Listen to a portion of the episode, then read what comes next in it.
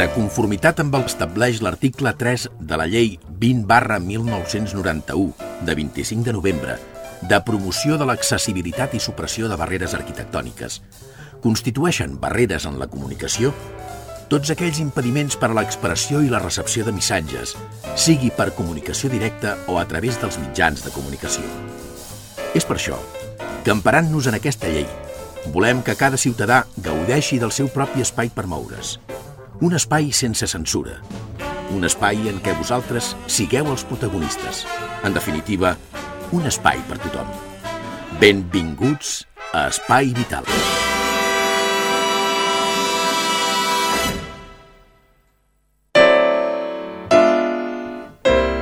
Senyores i senyors, què tal, com estan? Benvinguts, ben trobats, un dia més a un programa més. Vostès ja el coneixen, és l'Espai Vital. Avui a l'Espai Vital ens acompanya un personatge eh, solidari com, com, com ningú. Eh, eh, és l'Eduard eh, Penyalbert. Hola, Eduard, bon dia. Bon dia, Xavi, què tal? Amb ell parlarem d'una iniciativa creada per ell i pel seu company Jordi uh, Amor, no? Amorós. Amorós. Amorós. La iniciativa és eh, la tassa solidària. Què és això? Res, amb 3 segons, a l'Eduard ens ja l'explica. Senyors, comencem amb 3, 2 o 1. Això és Espai Vital.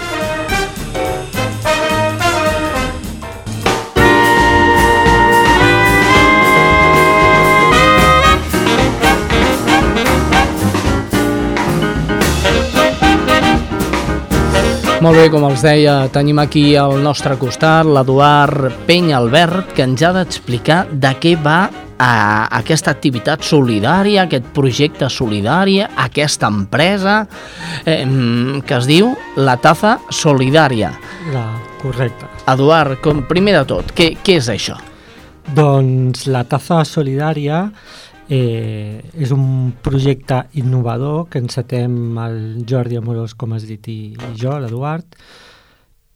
És una, en síntesi, és una botiga online de Ah. productes única i exclusivament solidaris, on tots els productes que hi ha a la venda eh, són productes que provenen d'entitats eh, que els han produït i els posen a la venda a través nostra. És a dir, tots els productes, el 100% dels productes que trobarem són productes amb un valor solidari o benèfic associat. Què pretenem amb la taza solidària?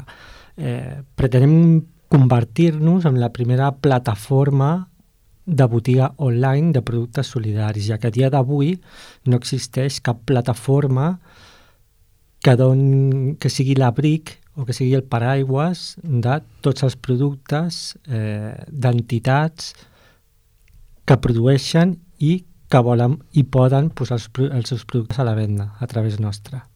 Em sembla que hi ha alguna iniciativa semblant, no? Que era Comerç Just o una cosa així. Sí, el comerç just eh, s'encara més, segons tinc entès, amb el tema mm, de- d'alimentació i em sembla que van per aquí el, una mica el, el, els tiros. Eh, però com a botiga que sigui, el, com et dic, el paraigües, que sigui l'abric de, de tot el que... qualsevol producte que pugui produir una entitat, del, en principi de l'estat espanyol, i que ho vulgui posar a la venda amb tot el que comporta això, visibilització, eh, evidentment la part de financiació que això comporta per ells, això a dia d'avui no existeix. Molt bé. Eh, Eduard, mm, i els calés? A veure, perquè eh, està molt bé muntar tot solidari i tot molt maco i ajudem a tots i tots ens ajudem, però tu treballes aquí, Sí, sí, sí. Eduard. Tu guanyes calés a través de, sí. de la taza solidària. Mm, eh, com va això? Com, com es fa? Doncs mira, jo t'explico perquè això és un tema que, que molta gent ens pregunta, com, com ens financiem o quina és la manera de funcionar i en, sempre el que volem i pretenem és que tot sigui transparent i que sigui assequible la informació que arriba a, a les persones. eh, jo... A, hi ha una cosa que a mi sí que em xoca molt mm. quan encetem tot aquest projecte, que és que cap entitat eh, hagi, o, o, o grup d'entitats, un clúster, etc, hagi sigut capaç a dia d'avui de donar visibilització al tercer sector creant aquesta botiga. Ho ha hagut de fer, o hem hagut de fer dues persones individuals, amb tot el que comporta. Mm, jo vaig haver de deixar la meva feina mm -hmm. per dedicar-me a aquest projecte perquè hi crec i crec que és necessari mm, donar visibilitat a tot això. Llavors, evidentment, com qualsevol projecte de botiga de venda, aquí ha d'haver associat un, un guany que a mi em permeti guanyar-me la vida i poder continuar amb això endavant.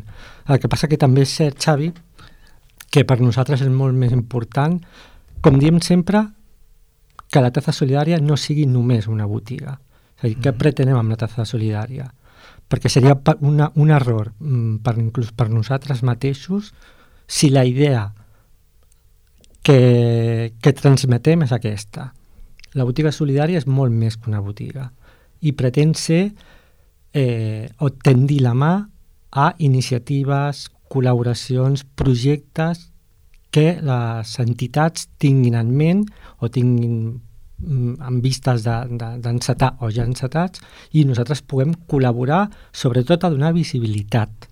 Ah sou la plataforma de, de lanzamiento eh, d'aquelles associacions que, que estan, jo en diria amagadetes, eh? amagadetes potser perquè no tenen aquell recolzament que els hi fa, els hi fa falta. Eduard, però mm, com neix eh, aquesta idea? pues neix de la forma més casual que un es pot imaginar. Uh, fa com un parell d'anys el Jordi i jo vam obrir un blog de viatges on donàvem la nostra opinió mm, de les sortides que fèiem, mm, opinió merament informativa d'hotels, restaurants.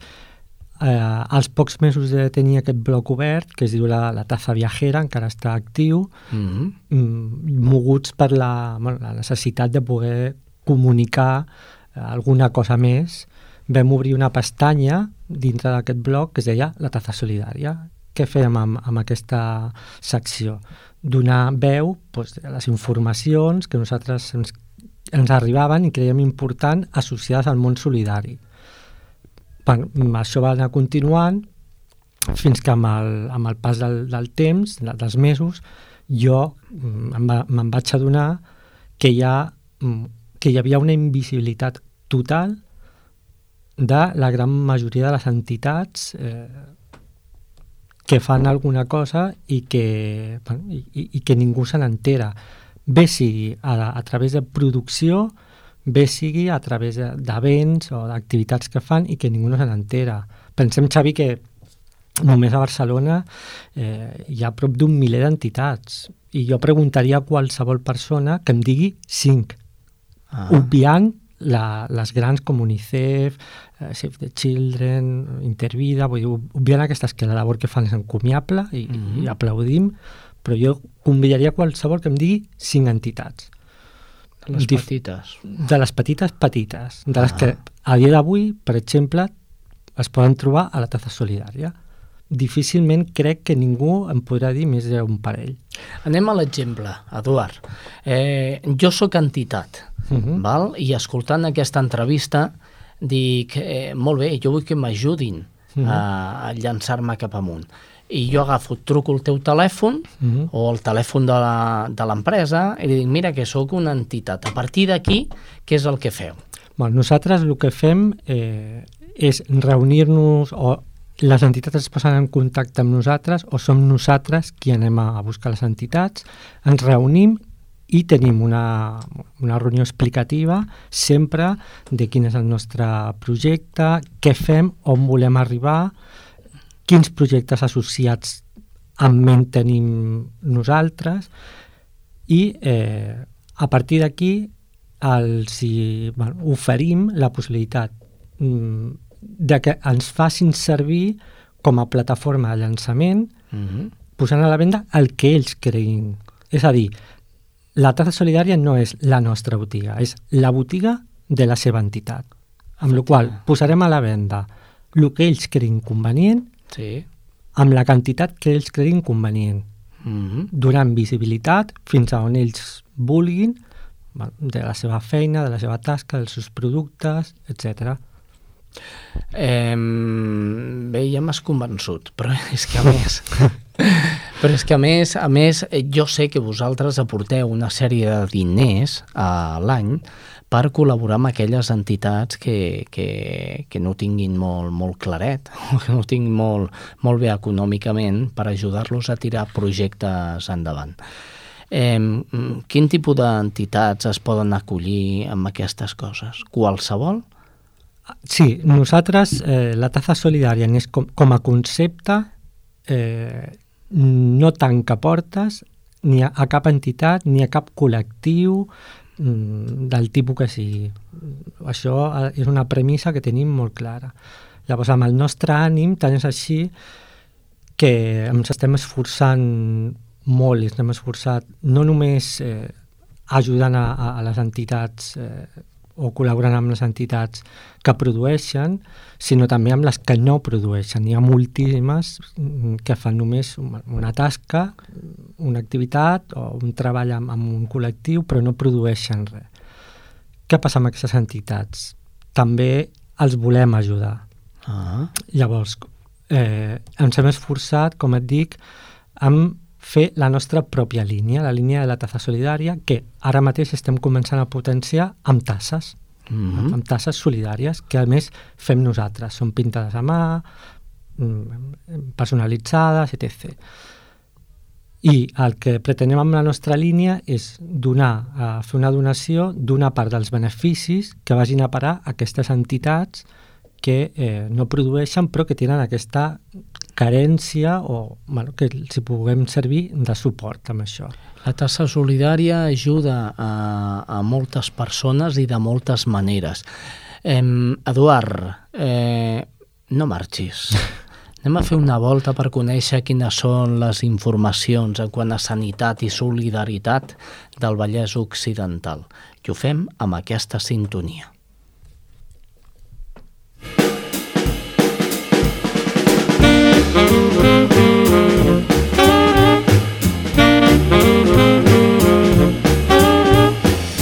Comencem la roda informativa per Barberà. Eh, Des de Barberà ens informa Judit González. Salutacions de Ràdio Barberà. La Biblioteca Esteve Pelugia de Barberà del Vallès va acollir el passat dimecres 8 de maig la conferència Alimentació contra les malalties.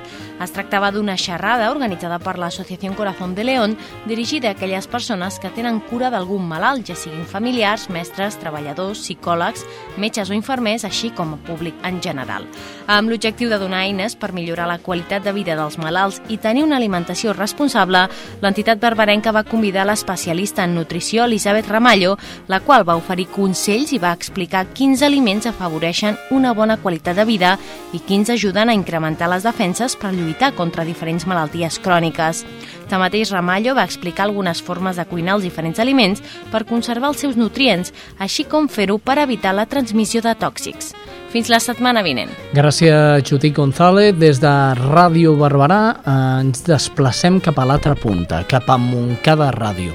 Des de Ràdio ens informa Sílvia Díaz. Hola, què tal? Salutacions des de Montcada, l'Espai Vital. La Regidoria de Salut Pública i Consum ha elaborat un programa d'activitats per celebrar el Dia Internacional per la Salut de les Dones, que es commemora oficialment el dia 28 de maig. Enguany, el Departament Municipal ha previst dues iniciatives que proposen una reflexió sobre la imatge de les dones als mitjans de comunicació. La primera consisteix en una mostra itinerant titulada Les paraules i les imatges transmeten valors de l'Observatori de les Dones. L'exposició es podrà visitar del 20 al 27 de maig al Centre Cívic L'Alzina, a Terra Nostra, del 27 de maig al 3 de juny al Centre Cívic Can Cullàs, del 3 al 10 de juny a la Casa de la Vila i del 10 al 17 al Centre Cívic La Ribera. La mostra té com a objectiu la iniciació en la lectura crítica de la representació que fan els mitjans de comunicació del cos femení. L'exposició proposa un recorregut per imatges actuals en relació a les del passat, establint paral·lelismes per entendre els orígens i la funció de les formes de representació hegemòniques. Salut Pública també organitzarà el dia 29 a les 6 de la tarda al Centre Cívic Can Cullàs un taller estudi sobre els estereotips de les dones a la pantalla, analitzant diferents exemples des de la pintura fins a la publicitat passant pels mitjans de comunicació. D'altra banda, el programa inclou una caminada per la natura i un sopar de germanor a l'Espai Jove Cantauler el 24 de maig de 4 a 2 quarts de 10 de la nit, a més de la segona trobada de Tai Chi, que serà el 9 de juny al Parc de les Aigües. Doncs bé, això és tot. Fins la setmana vinent. Gràcies, Sílvia Díaz, des de Montcada Ràdio cap a l'altra punta. Jo en diria una mica més cap a la dreta. Em sembla que és Santa Perpètua. Des de Santa Perpètua, com sempre, l'encarregada de passar-nos a la crònica és Estrella Núñez. Hola, salutacions des de Santa Perpètua. Les famílies interessades a acollir un infant saragüí aquest estiu poden fer la seva sol·licitud ja a l'ONGD Santa Perpètua Solidària. Els interessats han de posar-se en contacte amb l'ONG anant els divendres a la tarda al Centre Cívic La Florida, on l'entitat té la seva seu. La previsió els infants arriben a primers de juliol i marxin a finals d'agost. Els infants que participin a les colònies deixaran els campaments quan marquen unes temperatures de 40 i 50 graus. En aquests dos mesos són molt importants el canvi de temperatures i d'alimentació i que passin les revisions mèdiques. Les famílies acollidores no han de patir per les despeses econòmiques més enllà de tenir un membre més a la família i potser uns diners per roba. L'ONG compta amb subvencions de l'Ajuntament de Santa Perpètua per als bitllets d'avió, el casal d'estiu i l'entrada a les piscines municipals. SP Solidari Solidària realitzarà reunions informatives amb les famílies interessades per tal d'explicar tot el procés i els tràmits necessaris per ser una família acollidora. Des de l'entitat s'anima les famílies que vulguin ser acollidores a conèixer l'experiència d'altres famílies i assegura que el més important és voler ser-ho. Les famílies que marxin de vacances dins del territori espanyol poden anar amb l'infant acollit. Si algú hi ha interessat a acollir un infant refugiat saragüí aquest estiu, es pot posar en contacte ja amb SP Solidari els divendres a la tarda al Centre Cívic La Florida. Fins la setmana vinent. Gràcies, Estrella Núñez, des de Santa Perpètua a l'última de les cròniques, a Sabadell. Des de Sabadell ens informa Karen Madrid. Salutacions des de Sabadell. L'Associació Espanyola contra el Càncer a la ciutat vol que el cribatge de femta es converteixi en una prova obligatòria a la sanitat pública, com ho són també les mamografies o les citologies. Des de l'entitat han fet arribar la demanda al comitè d'experts del govern espanyol, alegant que pot ajudar a detectar de forma precoç el càncer de còlon i apuntant també que té un cost mínim de només 2 euros per persona. Ara mateix la prova està implantada en 7 comunitats autònomes, però a Catalunya. Des de l'Associació Espanyola contra el Càncer ja estan promovent campanyes de sensibilització perquè els pacients es facin la prova en cas que s'arribi a implantar. El propassat diumenge 12 de maig es va celebrar el Dia Internacional de la Fibromialgia i la Fatiga Crònica. El nostre company Toni Miralles eh, es va tirar a l'aventura i va realitzar aquesta entrevista que ara escoltem.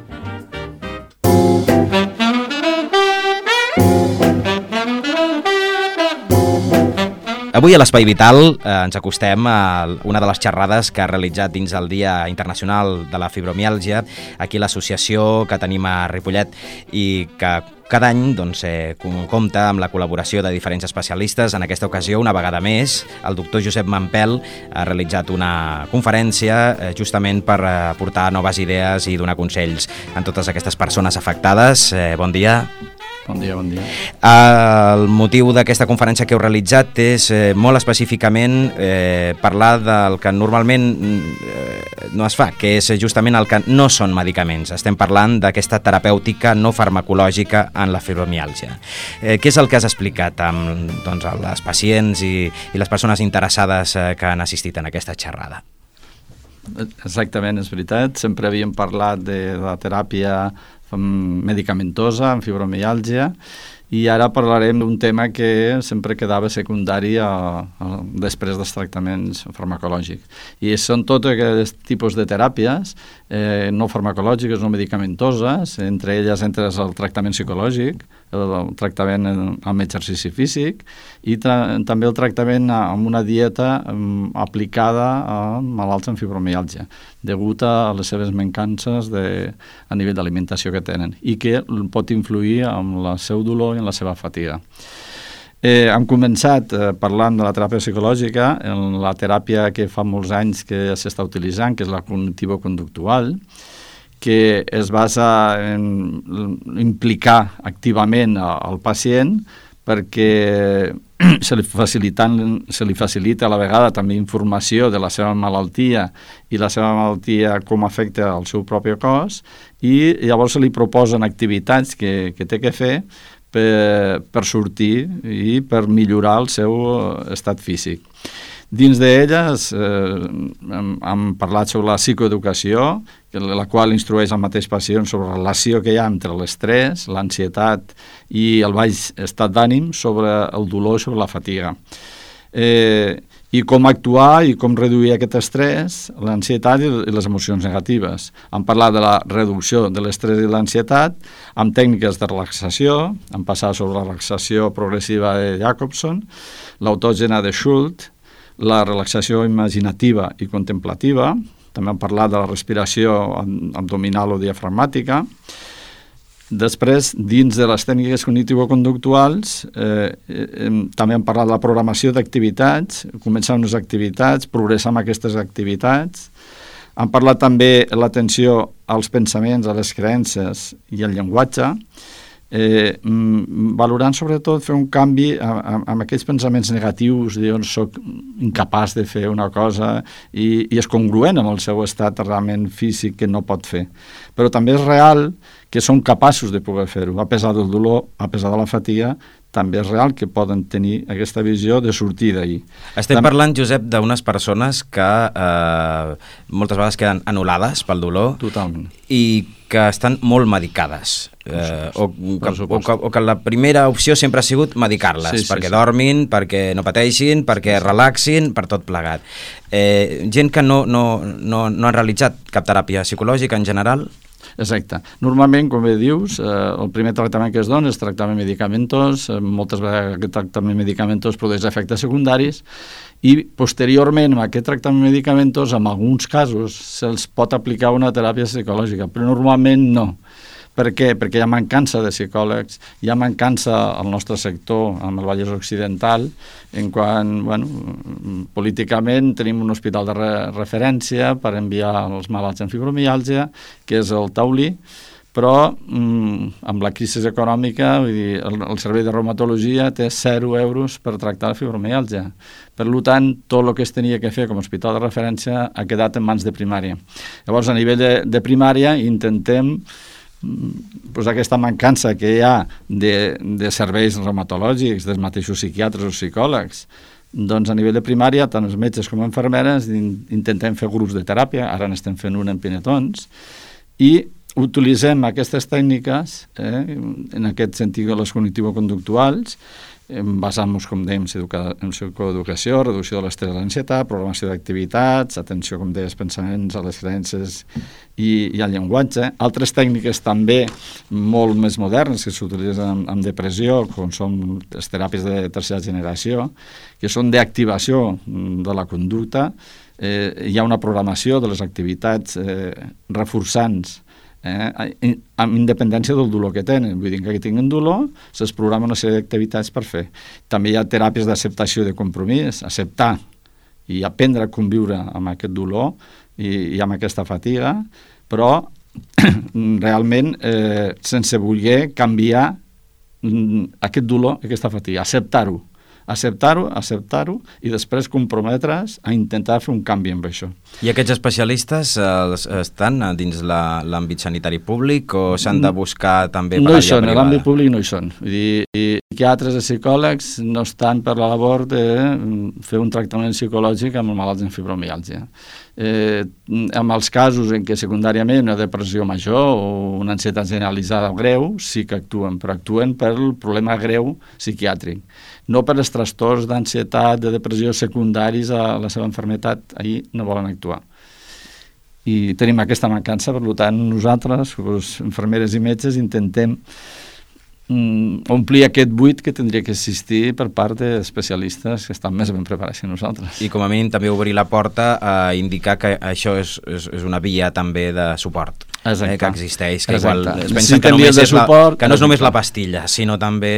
Doncs, el... Amb aquest uh, tractament farmacològic, que és el primer que se'ls hi don, eh, vull dir, una, una mica per dir, ahir teniu i amb això aneu tirant, doncs se mira altres vies, com deia, aquesta psicològica, després hi ha altres vies com és la fisioteràpia, Eh, després també han parlat de, de a més de la fisioteràpia, pues, mm, bueno, tècniques dins de la fisioteràpia o de l'exercici físic, com poden ser pues, el yoga, el pilates, com poden ser el tai chi, com poden ser Eh, Perquè aquesta, aquesta, aquesta malaltia moltes vegades sí. també et tornes més sedentari. Si tens exacte, dolor, no et mous. Exacte, exacte. Aquesta, mm. la, exacte. Per això diem que l'exercici físic s'ha de adaptar, tenen que adaptar-se a progressivament fer un exercici que no els crea tensió muscular, que no els crea fatiga, per tant, té que ser un tractament molt paulatí, molt ben controlat, i, i precisament clar, té que ser a mans de gent que sàpiga ja sigui a nivell de fisioterapeutes o a nivell de,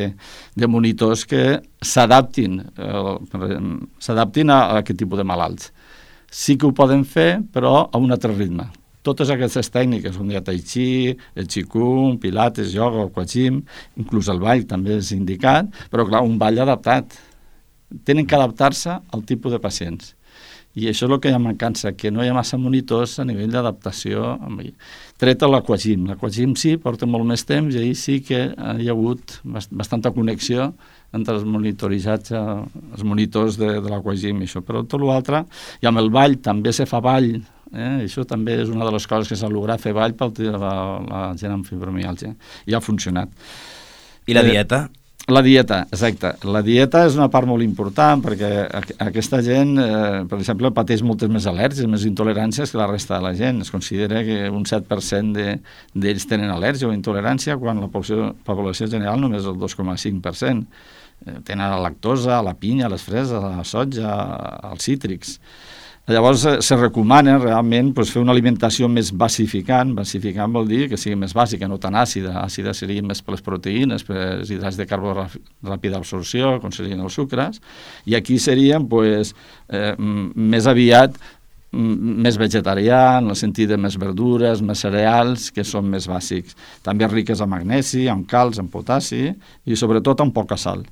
També és molt important l'aport d'antioxidants que han parlat, sobre vitamina C, vitamina A, vitamina E, el seleni i el zinc i els flavonoides com a antioxidants.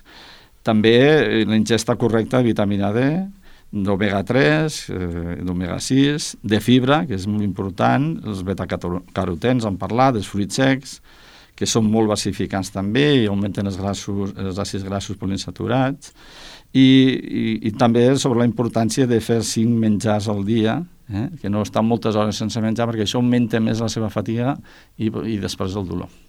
Hi ha després un altre món, que no mm -hmm. és el món de la medicina tradicional. Exacte. Però la fibromialgia tampoc és una malaltia tradicional.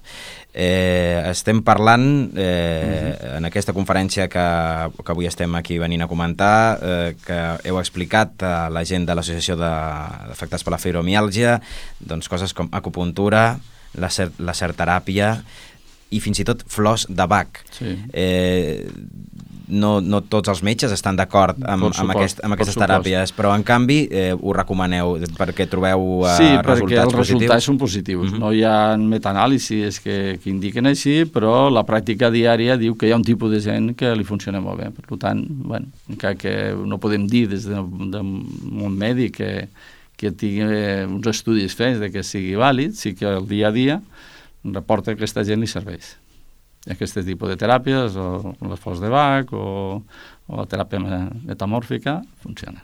Que d'alguna manera es tracta de que la gent no es quedi a casa amb el seu dolor, Justos. sinó que es mogui, que ho comparteixi, Exacte. que en parli i que ho assumeixi, no? Això és el, una paraula que has repetit diverses exacte, vegades, no? Exacte. El, el canvi de comportament i hàbits de vida té que ser una actitud positiva davant la vida diària, un canvi de mentalitat, millorar la seva autoestima, disminuir l'estrès, mantenir iniciar els seus hobbies que tenien habitualment, no es tenen que perdre mai, els exercicis de relaxació són molt importants, també mirar que teniu un son que no tinguin despertats, intentar anar a dormir, no tenir els problemes, ja que fer la meditació abans d'anar a dormir, però bastant abans, no anar amb els problemes a dormir, i sobretot compartir els sentiments. eh, compartir els sentiments que, té, que tenen aquesta gent, que els té molt interioritzats i els tenen que treure fora perquè els demés podem ajudar. Doncs, eh, doctor Josep Mampel, li agraïm avui la presència als estudis eh, de l'Espai Vital per venir a comentar doncs, aquesta conferència, aquesta terapèutica no farmacològica a la fibromiàlgia, eh, per aportar-nos doncs, totes aquestes tècniques i, i, i aquestes teràpies eh, que poden millorar aquest tractament de totes aquestes persones i sobretot que els activin i que considerin que, que tenen, si no solució, com a mínim un, una, un cert alleujament dels seus problemes. Li agraïm la seva presència avui aquí als nostres estudis. Moltes gràcies. A vostè, moltes gràcies. Això és Espai Vital.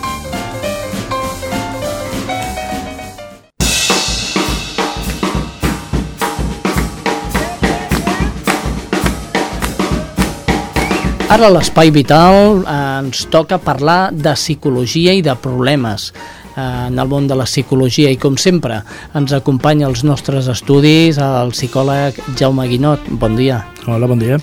Avui, senyor Guinot, eh, hauríem de parlar d'un problema molt comú a moltes persones i que de fet les estadístiques ens donen números molt elevats, que és la depressió. Senyor Guinot, què és la depressió? Uh, doncs mira, per el que deies tu de les estadístiques, primer de tot dir que la depressió és un problema que afecta a fins a 4 milions de persones només a Espanya que la patiran o l'han patit al llarg de la seva vida. Eh, a Europa és, una, és més alt l'índex, mm, per exemple, és el, que les malalties del cor. És la causa més important de baixa laboral mm, i tot i que es veu com una malaltia moltes vegades preferentment femenina, només són els, el 70% de les dones són les que es veuen afectades per la depressió, però sí que hi ha un 30% d'homes que també es veuen afectats per la depressió. Lògicament nosaltres tenim un, un funcionament diguem-ne, bastant més estables, no tenim nens, no tenim embarassos, no tenim la regla, no tenim menopauses, no tenim totes aquestes coses i clar, això pot generar més depressions. Però això, això em, em derivaria cap a, a, cap a una pregunta-resposta. Però, senyor Guinot, eh, la regla, tenir nens, tot això, això no fa més forta a la dona que a l'home? Jo sempre he vist una dona com el sexe més fort de la parella, per començar. Bueno, això seria... He dit que ho he vist, eh? Jo ho he vist, vostè Molt dirà... discutible si és el sexe fort, dèbil... Som diferents jo sempre dic, som diferents, estem fets eh, de maneres diferents, és a dir, fisiològicament són diferents, els nostres serveis són diferents. Eh, clar, jo tenia un professor a la universitat que recordo una companya es va enfadar perquè li va dir oh, és que el servei de l'home pesa d'una mitjana d'un quilo 400 i el de la dona pesa una mitjana d'un quilo 200 i l'altre es va emprenyar com una mona dient que jo era masclisme i l'altre va dir no, a veure, t'ho explicaré d'una altra manera el servei de l'home és un PC de sobretaula i el de la dona és un portàtil et serveix així? Vull dir, fan la mateixa funció, són diferents. Ma maneres diferents d'entendre Som diferents i estem coses, programats no? per fer coses diferents. És a dir, eh, quan es diu no, és, que un home no podria suportar un part. Bueno, és que un home no està fet per suportar un part. Ja. Vale? I segurament tampoc aguantaríem totes les alteracions hormonals que té una dona. Segur acabaríem fets, eh, fets pols. Sortim dels de, de, dels problemes de mm. ser dona o ser home i ens quedem amb la depressió. Sí.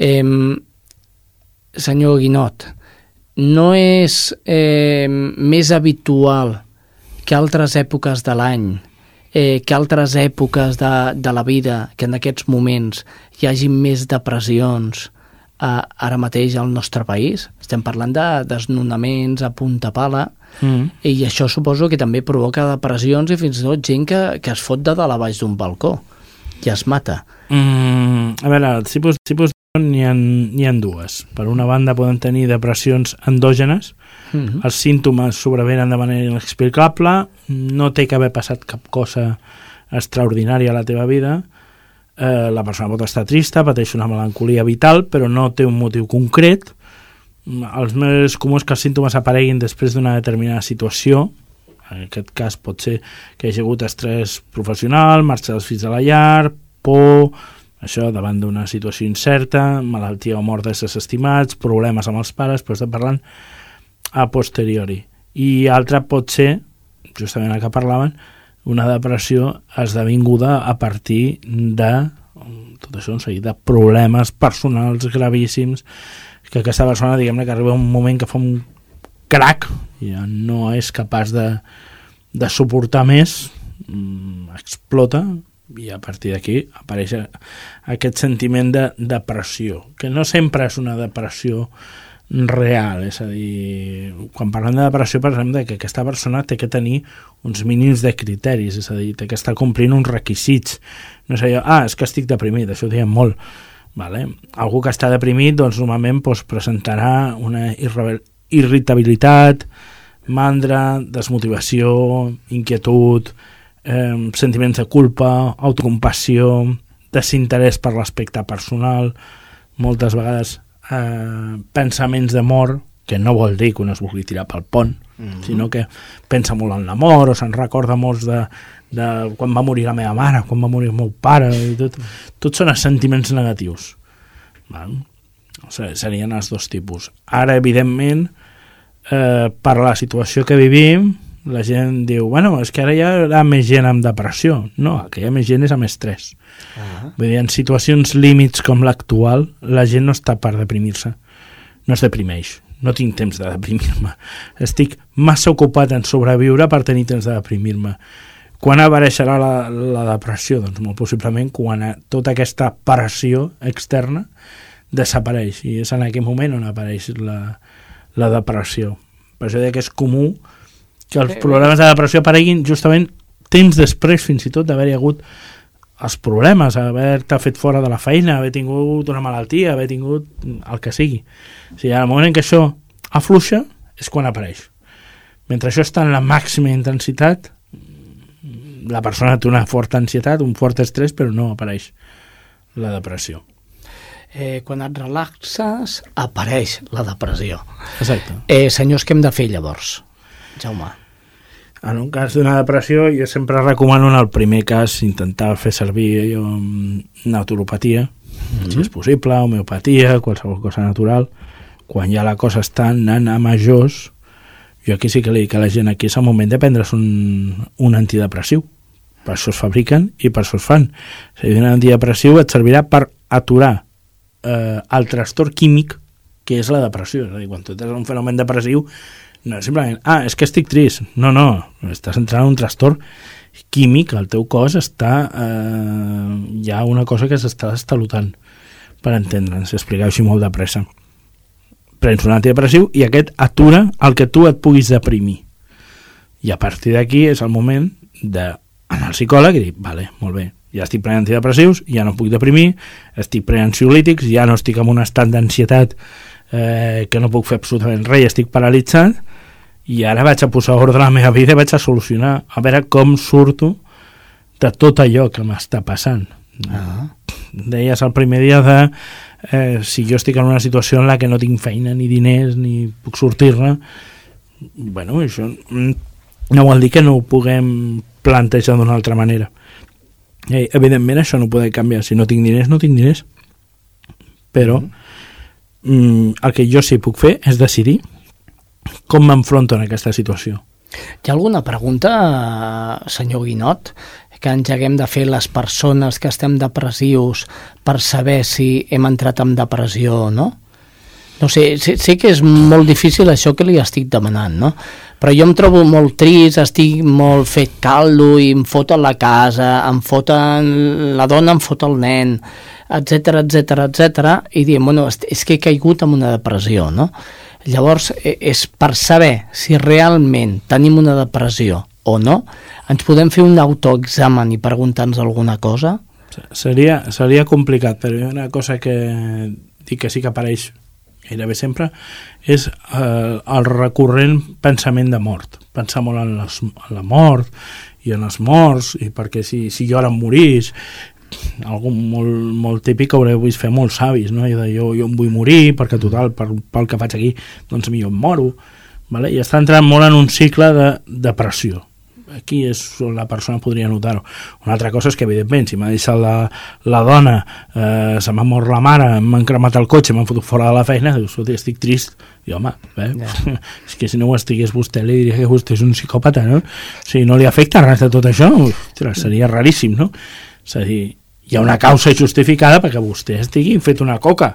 Sí. És, és normal. Normalment amb una depressió no té per què haver-hi, el que us deia, no té per què haver-hi una, una causa justificada en aquell moment. Pot haver passat molt de temps des que tot allò em va passar i, i, i jo segueixo sense ser incapaç de remuntar, diu, bueno, aquí és on tinc el problema, per què? Perquè estic convertint ja en una rutina de pensament i és aquí on hem de...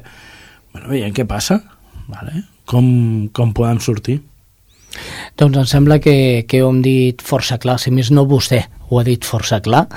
Eh, eh, estar trist no vol dir depressió immediata, si pot de tristor pot acabar amb una depressió, la depressió es pot curar, no senyor Guinot? La depressió es pot curar sempre a no ser que estiguem parlant ja de persones amb, amb depressions de molt de temps i que ja acaben convertint-se en cròniques, però estem ja parlant de, de gent que porta més de dos anys amb una forta depressió i aquesta persona gairebé que es converteix en un malalt crònic, és a dir, costa moltíssim treure d'aquí. Per exemple, quan algú ve a la consulta i diu, escolti, això es pot arreglar, diu, escolti, miri, menys la mort, ho podem arreglar tot. Vale? Si està al cap, es pot arreglar Uh -huh. vale? Ho podrem portar d'una manera, d'una altra, millor, pitjor, regular, vale? però ens hi podem adaptar. Sempre podem fer alguna cosa per fer que no sigui tan dolent, encara que no ho puguem curar. Ah, doncs, senyors, radioespaivital arroba telefònica.net a través d'aquest correu, si volen qualsevol consulta, eh, que contestarà en Jaume Guinot, el nostre psicòleg de l'Espai Vital, Eh, li agraïm moltíssim, senyor Guinot, la seva presència avui a l'Espai Vital i que ens hagi obert una miqueta més els ulls al món de la depressió o de la tristor que d'alguna manera podien anar, podien anar tot lligats, però bueno, jo aquí no m'hi fico, que això ja és més professional. No, una, una, una cosa seria jo la tristesa lògica i pròpia i una altra seria eh, ja quan parlem d'una patologia. I, I aquí ens donaria per un altre dia jo només de parlar del tema de les etiquetes i de com ens empenyem en qualsevol cosa donar-li un nom i una etiqueta, no? Mm. Estic deprimit, no, estic trist i no passa res més. Bueno, i això com es diagnostica? Tristor? Està vostè trist? No? jo sempre poso l'exemple, quan ve algú diu escolti, això que em passa, com, com, eh, quina etiqueta té? Jo dic, escolti, vostè es diu López, no? Sí, doncs té vostè el síndrome de López. Ja està, té vostè el seu, la seva història, no li vulgui posar etiquetes. Senyor Guinot, gràcies per avui, per la, per la seva consulta de l'Espai Vital i l'emplacem la setmana vinent. Gràcies i bon dia. Aquí estarem. Això és Espai Vital. I a l'Espai Vital continuem amb el senyor Penya Albert, eh, el Jordi, a l'Eduard. Sí, ja estic, avui estic per canviar-te el nom, això ja. Eduard, eh, suposo que la gent que, que ens han escoltat avui, alguns es voldran posar en contacte amb la taza solidària. Sí. Eh? Dongui'ns els telèfons, però abans, abans dels telèfons i el correu i tal, per què una taza solidària? Eh, jo em pregunto per què no. Ah, val. val. Clar, eh, en realitat eh, jo crec que, que tot projecte, tota idea és vàlida, és necessària sempre que té associat a, a, a, sobretot un component d'il·lusió i de voler ajudar eh, a que tot aquest món eh, sigui visible i sempre que em pugui col·laborar amb, amb, amb aquestes persones que tant ho necessiten.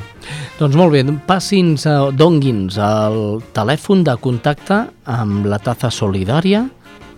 Doncs mira, Xavi, el telèfon perquè es vulgui posar en contacte amb nosaltres per fer-nos qualsevol consulta, proposta, dubte, és el 722 36 55. Repeteixo, 722 36 61 55. I un correu electrònic? Pues tenim el correu de la Taza Solidària, que és info arroba latazasolidària.com vale? i tota aquesta informació també la trobeu a la pàgina web www.latazasolidària.com o a través del Facebook, la Taza Solidària i també a Twitter. Que estem a tot arreu. Doncs molt bé, Eduard Penyalbert, eh, t'agraïm moltíssim la teva presència aquí a l'Espai Vital i t'animem a seguir aquesta iniciativa tan bona com és la Taza Solidària. Gràcies i bon dia. Gràcies a vosaltres, bon dia. I senyors, ara és el moment d'escoltar uh, un dels capítols del Mont Groc, una, una novel·la, un, un llibre, un llibre d'Albert Espinosa, passat a capítols de ràdio mitjançant la veu d'un gran amic, el Carlos Soler. Escoltem el Mont Groc. A continuació us oferim El món groc, una obra d'Albert Espinosa, versió radiofònica produïda per l'associació Espai Vital. 18è descobriment. Busca els teus companys d'habitació de l'hospital a fora. He tingut la sort de tenir grans companys d'habitació. En algun capítol ja us havia parlat. Som com germans per hores, per dies o, o per mesos, però fan de germans, de grocs en potència. M'encanta la sensació d'arribar vestit de carrer a una habitació, trobar-me un desconegut, en pijama i amb la part més vital de la seva família al costat, i saber que serem íntims en qüestió de dies. Sempre que arribes a un hospital et deixen al llit que és més a prop de la finestra. És com un pacte no escrit, però saben que necessitaràs acostar-t'hi i mirar el món que deixes momentàniament enrere. També hi ha un altre pacte no escrit, que és deixar que el primer dia el malalt no es posi el pijama. Al nouvingut se li concedeixen 24 hores d'aclimatació. Costa molt treure la roba del carrer i ficar-te al llit a les 12 del migdia quan et trobes bé. Normalment, després de posar-te el pijama, gairebé trigues 24 hores més a ficar-te al llit. Durant aquestes 48 hores és quan el teu company d'habitació comença a ajudar. De vegades amb paraules, de vegades tan sols amb gestos, de vegades senzillament explicant-te què té, què va sentir i què nota en aquells moments. L'experiència és la base de la comunicació. Veure't-hi reflectit fa que guanyis mitja batalla. El meu millor company d'habitació es deia Antonio i era de Mataró. Tenia un forat enorme a la planta del peu en què gairebé hi cabia alguna pilota de ping-pong. Però era foc, pur nervi. Tenia més energia que gairebé tota la gent que he conegut després. Ell tenia 19 anys i jo en tenia 14. Em feia riure molt. Em va deixar estar gairebé quatre dies sense sense dur el pijama i em defensava davant dels metges i de les infermeres. Els explicava que li agradava veure'm vestit, que era com tenir visita. Tenia un petit piano i tocava cançons. I de mica en mica, amb la música, ens van anar ajudant. Ell tocava i jo cantava van compondre grans cançons i la que ens va proporcionar més èxit va ser Dóna'm un cap de setmana i més endavant enrotlla't i dona'm un permís de sol. Era una persona sensacional que sense saber-ho s'anava apagant dia a dia. Cada dia venien menys metges a veure'l. Arribaven menys visites. I i aquest és, sens dubte, el signe més evident de que t'estàs morint. Quan els amics comencen a desfilar a totes hores i els metges espaien les seves visites, perquè ja no tenen gaire cosa a dir. Em parlava de l'amor, l'amor de, de les dones. Era el seu tema preferit. Com trobar la dona perfecta, com trobar l'amor de la vida. Dos dies abans de morir encara el buscava. Encara filosofava sobre això. Jo crec que l'amor era el que el feia ser tan especial. Aquella recerca se li reflectia a la cara. Es va morir. Jo no el vaig veure morir. Mai no els veiem morir. Sempre se'ls enduien a casa a morir. Sabíem que quan se n'anaven moríem, però ens acollanaven en vida. Això sempre va ser molt bonic. Em va deixar el seu piano i em va dir que algun dia valdria milions. Encara el tinc. Encara el toco. Sens dubte, em va donar una part de la seva força. A ell no el vaig compartir. Vaig demanar de calar-me el sencer. Ho vaig sol·licitar i m'ho van concedir. Tot ell és dins meu i, sens dubte, és el 90% de la passió que hi ha en mi. Vaig tenir 20 companys d'habitació. 19 van ser genials. Va ser horrorós. Roncava, no parlava era un plom que només repetia «Soc un ésser humà». Els altres 19 em van marcar. L'estadística és francament positiva. Encara ara busco companys d'habitació. Crec que és el que busco més. Pots trobar companys d'habitació a la vida real. Només has de saber que no en trobaràs en un hospital, sinó a fora, en un ascensor, en una botiga. Els grocs, ja en parlarem abastament quan sigui l'hora, són la base del món. Però el que compta és buscar-los, buscar aquests companys d'habitació.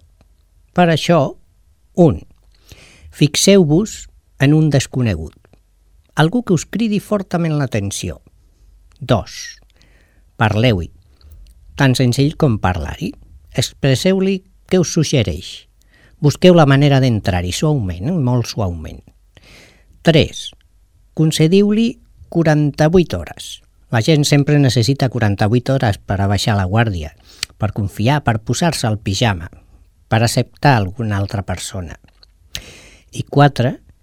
I gaudiu del vostre company o companya d'habitació. Però això només és el començament. Si trobes companys a fora, també pots trobar-hi els altres, saladors, metges, infermeres i grocs. No vull dir amb això que hagis de conèixer metges fora de l'hospital i fer-te un amic, sinó que hi ha persones que poden exercir sobre tu de la mateixa manera que un metge exerceix sobre el teu cos i sobre la teva malaltia. Per això, un, per a mi trobar metges és trobar gent que et pot curar o escoltar, són necessaris, formen part de la xarxa groga o d'amics, però cal poder-los dividir, poder establir una diferència entre ells, perquè d'aquesta manera sabreu que heu d'acudir a aquesta mena d'amics grocs doctors quan no estigueu bé. 2. Els infermers i les infermeres són gent que us podrà acompanyar allà on sigui, que us pot donar força en silenci o estar amb vosaltres davant de milers de problemes que pugueu tenir són la mena de gent a qui acabes agraint el que han fet milers i milers de vegades perquè un dia assolejat d'estiu t'acompanyen a un lloc avorrit quan podrien ser a la platja. Això no té preu. I tres, els saladors són persones puntuals, trobades fortuïtes, gent altruista que ens dona un cop de mà en un moment determinat de la nostra vida. Tant pot ser en una carretera quan tens un problema amb el cotxe com si et deixen diners o després d'un robatori, tot això. És allò que molta gent anomena ànimes caritatives. Per a mi, això són els celadors. Dels grocs, en parlarem profusament de seguida, paciència, sí, ara paciència, paciència. De moment, crem l'hospital a fora, l'entorn,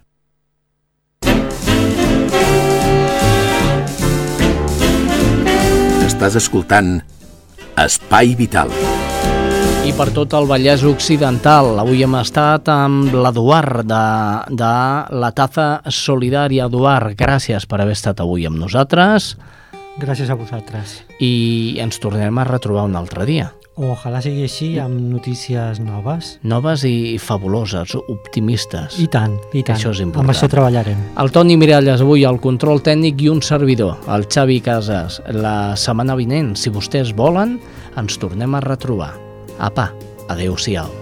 Ell va dir piscines, ella trampolins, ell va dir planetes, ella va dir quins, i quina pena és desencís, que rotunda i que valent no va ser precisament, no va ser un final feliç.